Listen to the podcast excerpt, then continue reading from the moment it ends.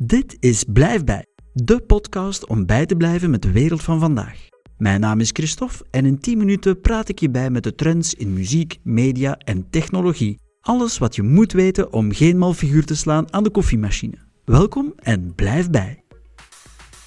Na een korte winterslaap zijn we er terug met seizoen 2 van Blijf bij. Met natuurlijk nog altijd de vertrouwde update over alles wat volgens ons op dit moment trending is in Vlaanderen. Blijf bij met TV. Liefhebbers van misdaad en mysterie kunnen op Netflix hun hart ophalen met de nieuwe serie Lupin. Een Franse serie over meesterdief gentleman cambrioleur Hassan Diop. Je suis agent d'entretien. Les œuvres d'art que je nettoie. Vendredi prochain, ils vont vendre un colis aux enchères. On va le voler. Hassan wordt vertolkt door de bekende Franse acteur Omar Sy. Hassan kende een moeilijke jeugd en wil nu zijn overleden vader wreken, die werd beschuldigd van een diefstal en zelfmoord pleegde in de gevangenis. Hassan laat zich inspireren door Arsène Lupin, een gentleman meesterdief die stelen tot een kunstvorm verhief. Arsène Lupin, gentleman cambrioleur. Hou je van een serie met een Robin Hood-achtig arm tegen rijk thema met doordachte overvallen, plannen smeden à la Casa de Papel, The Italian Job of Ocean's Eleven, dan is deze miniserie zeker iets voor jou. Ook op Netflix en tegenwoordig enorm populair is het nieuwe kostuumdrama Bridgerton. The time has come for the social season. Tighter! She to breathe, Mama. My name is Lady Whistledown. You do not know me, but I know you. De drijvende kracht achter deze reeks is Shonda Rhimes. Die kan je kennen van Grey's Anatomy, Private Practice, Scandal en How to Get Away with Murder. Rhimes, zelf Afro-American zijnde, houdt diversiteit in al haar series hoog in het vaandel en dus ook in deze serie. Speciaal aan dit historisch drama is dat we een hertekend, gediversifieerd beeld van de Britse adel van begin 19e eeuw krijgen, waarbij dus hertogen en andere adellijke personages ook door people of color worden gespeeld. Het verhaal zelf is een romantisch, feministische blik op de uithuwelijkingsrituelen van de adel, met onder andere de bekende bals voor de debutanten. De cast bestaat vooral uit nieuw talent, maar één grote ster hebben ze wel weten strikken. Niemand minder dan Julie Andrews mag een cruciale rol als voice-over vertolken. Bridgerton is entertaining en geeft een verfrissende blik op een vernieuwde geschiedenis, maar verder is het wel very American en soapachtig. Niks mis mee als je daarvan houdt natuurlijk, en aan de respons te zien geldt dat voor heel wat mensen. Ik ben dood, dat is zeker. Ik ben hier. Ik ben hier. Kan niet. Op een zeilboot? Mijn mama zegt veel lelijke dingen over u. Binnenkort komt ook de tweede reeks van Beau Séjour op de Vlaamse schermen. De opvolger van Beau Séjour 1 speelt zich nu af in Zeebrugge. We volgen het relaas van een gewezen marinecommandant Maurice Terlink, gespeeld door Jean Bervoets. Die gaat op zoek waarom hij nog altijd rondwaalt terwijl hij eigenlijk dood is. Beau Séjour 2 is geen rechtstreeks vervolg op de eerste reeks, maar een volledig nieuw verhaal, maar wel dus met hetzelfde ijzersterke concept. Een van de hoofdrolspelers naast Jean Bervoets is Lennart Korne. Die naam ken je misschien nog niet, maar ik ben er zeker van dat er snel verandering in gaat komen. En met Lennart had ik dit gesprekje over Beau Séjour 2. Uh, Lennart, uh, goeie, goeiemorgen. Uh, hoe oud ben je eigenlijk? Ik ben tien jaar. 10 jaar en al de nieuwe hoofdrolspeler in Beau Séjour 2. Dat is fantastisch. En tijdens de opnames, denk ik, ik sprak nog met je mama, tijdens de opnames, al een tijdje geleden, was je zelfs nog maar acht of negen jaar eigenlijk, hè? Ja. Wel, uh, wel heel speciaal. Vertel eens over Beau Séjour 2. Welke, welke rol speel jij in het nieuwe verhaal?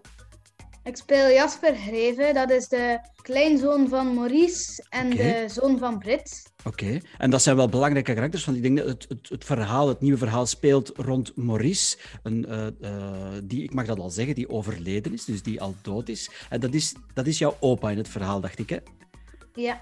Oké, en eh, wordt gespeeld door Jeanne Bervoets, dat is toch eh, niet de minste. Ik weet niet of jij bent te jong om die te goed kennen, waarschijnlijk als acteur, maar in Vlaanderen toch wel een monument van een acteur. Hoe was het om naast, naast Jeanne Bervoets te spelen? Heb je daar veel van kunnen leren? Was dat een, was dat een lieve man? Dat was een lieve man. Oké. Eh, hij maakte vaak grapjes en eh, al die moeilijke woorden van op de set, zo in het Engels, dan, dan zei hij altijd van dat is dat, dat is dat. En ja, dat was wel leuk. Hij heeft jou een beetje opgeleid en geholpen eh, tijdens het proces. En, en hoe waren de opnames? Want het, het speelt zich af in Zeebrugge. Je bent zelf ook West- van West-Vlaanderen. Het was veel buiten ook. En waren er speciale dingen dat je moest doen dan? Ja, het was deels in de zomer, maar ook deels in de winter. De nachtopnames deden ze in de winter. Oké, nachtopnames ook. extra koud in de nacht. Oké, oké. En de, zom ja, de zomerdagen, dat was dan meer de overnachtse, de, eh, de overdagscènes. Oké. Eh, en dat was dan meer warm. En, en wat vond je zelf het leukste aan de opnames, aan, aan, heel, het, eh, aan heel het proces? De marine en de cateringtafel. De cateringtafel, oké. Wat was er zo speciaal aan? Daar mocht je, daar mocht, wat lag er dan allemaal op dat je zo lekker vond misschien? Chiepjes, koekjes. En je mocht, en je mocht natuurlijk als, eh, als hoofdrolspeler mocht jij zoveel eten als je wou, waarschijnlijk. Eh, ja, maar soms zijn ze niet te veel eten, want anders word je te dik. Ah ja, oké, dat is natuurlijk ook wel belangrijk. En ook voor eh, een beetje gezond te blijven natuurlijk. Hè.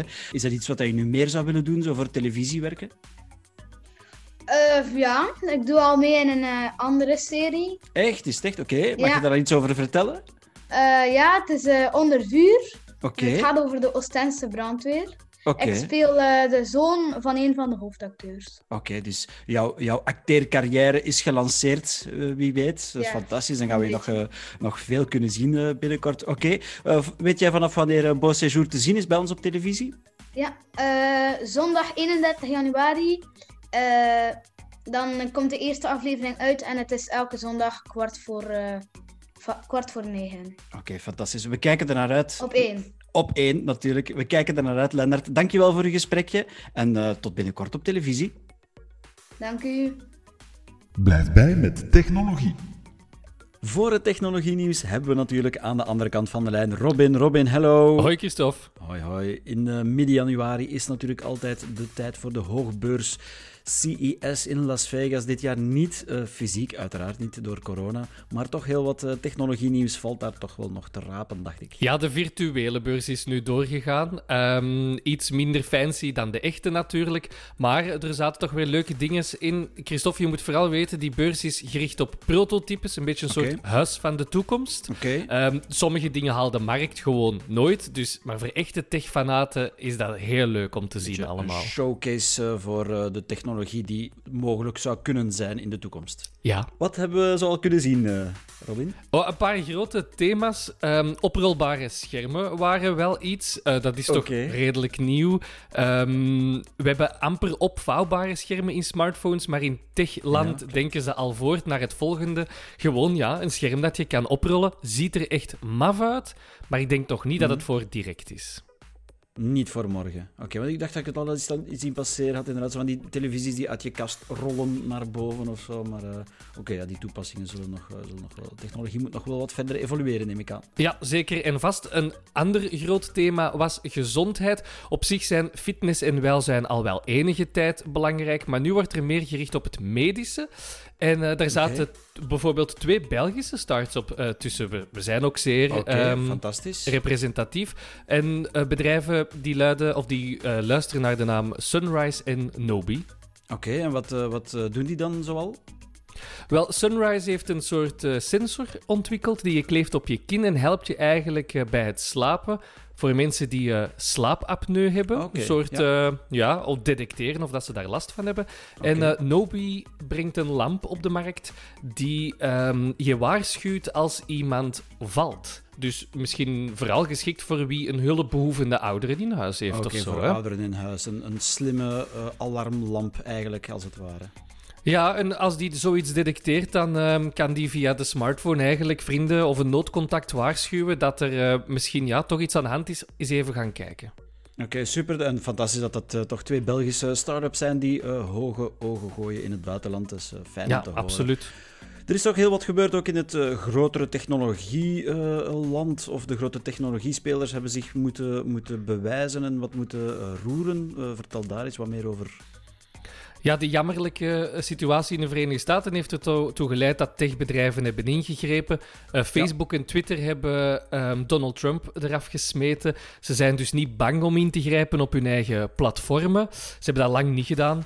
Um, maar daarnaast ook hebben ze bewezen, Apple en Google dan, om ook apps van derden, en dan spreek ik over uh, Parler, om die van hun stores af te smijten. Hè. Ze grijpen om zich heen, ze laten hun macht uh, gelden. Misschien een belangrijke kanttekening, um, Christophe, Amazon, dat is voor jou waarschijnlijk gewoon een webwinkel. De webwinkel.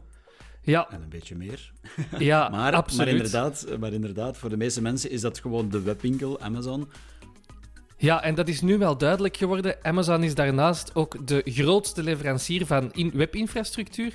En zij hebben eigenlijk aan de bron van Parler ook gezegd van ja, jullie gebruiken onze servers, vergeet het maar. Zelfs als Apple en Google jullie toch nog toelaten op de store, jullie zullen onze hosting, onze infrastructuur niet meer kunnen gebruiken. En hup, ook daar werd eigenlijk de lijn doorknipt. Um, zo, ja, je hebt eigenlijk als, um, uh, als bedrijf, kun je niet bestaan, hè zonder nee, al zonder die Amazon spelers. of de hosting, Ja. de hosting van Amazon. Dus de, de kracht van Amazon achter de schermen is eigenlijk even groot of groter dan wat je soms zou denken van Ja. Google of, eh, of Apple. Toch wel bizar, want die spelers profileren zich een beetje als objectief en, en, en wij zijn een platform. eh, Google en, en Apple zijn platformen voor andere spelers, maar hier moeten ze zich echt eh, inhoudelijk ook gaan mengen met, met, met boodschap, met politiek bijna eigenlijk. Een moeilijke, moeilijke zaak lijkt mij. Ja, en ze hebben de afgelopen maanden gewoon... Zij komen er meer stemmen op om te zeggen, hé, hey, ze zijn te machtig. En net door deze actie wer- werken ze hun eigen terug in de schijnwerpers, waardoor ze ja, binnenkort denk ik wel eens op een aantal processen zullen uitgenodigd worden. Nu, ik Ja. ben van mening, Christophe, niet handelen zou in de wereldogen verkeerd zijn. Handelen is even goed verkeerd. Ik denk dat er geen juiste manier was. En ehm, ja, tijd zal het leren. Catch-22 situatie eh, sowieso. Ja, absoluut. Ja, zeker en Oké. vast. Goed, hartelijk dank voor deze update over het technologie-nieuws. Graag tot volgende keer, Robin. In orde, dag Christophe. Blijf bij met muziek. De jonge Olivia Rodrigo heeft met haar single Driver's License het absolute streamingrecord verslagen. En dat is heel bizar, want dat is haar debuutsingle en ze leek helemaal uit het niets te komen. Maar Olivia had al een vrij sterke jonge fanbase dankzij enkele rolletjes voor Disney. En die fanbase heeft ze via social media goed weten onderhouden en uitspelen, wat een grote factor gespeeld heeft bij dit succes. Of dus hoe social media en TikTok jouw muziekcarrière ook kunnen lanceren tegenwoordig.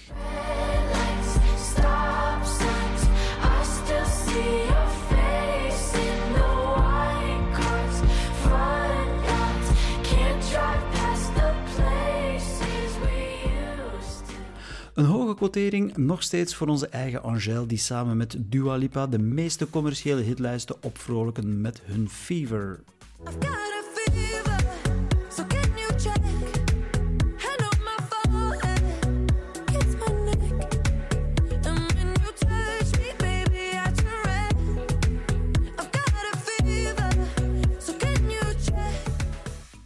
McCartney die bewijst dat je ook op je 78ste nog relevant kan zijn met zijn nieuwe single Find My Way. Never used to be afraid of days like these,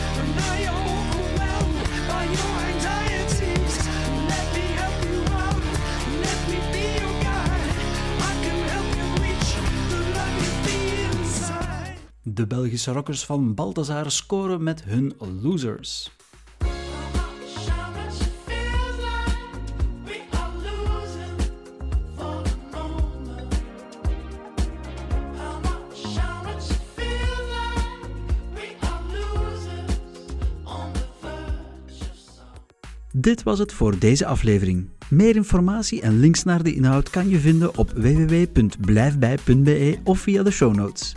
Volg ons ook op Facebook of Instagram. Dit was Blijf bij, de podcast om bij te blijven met de wereld van vandaag.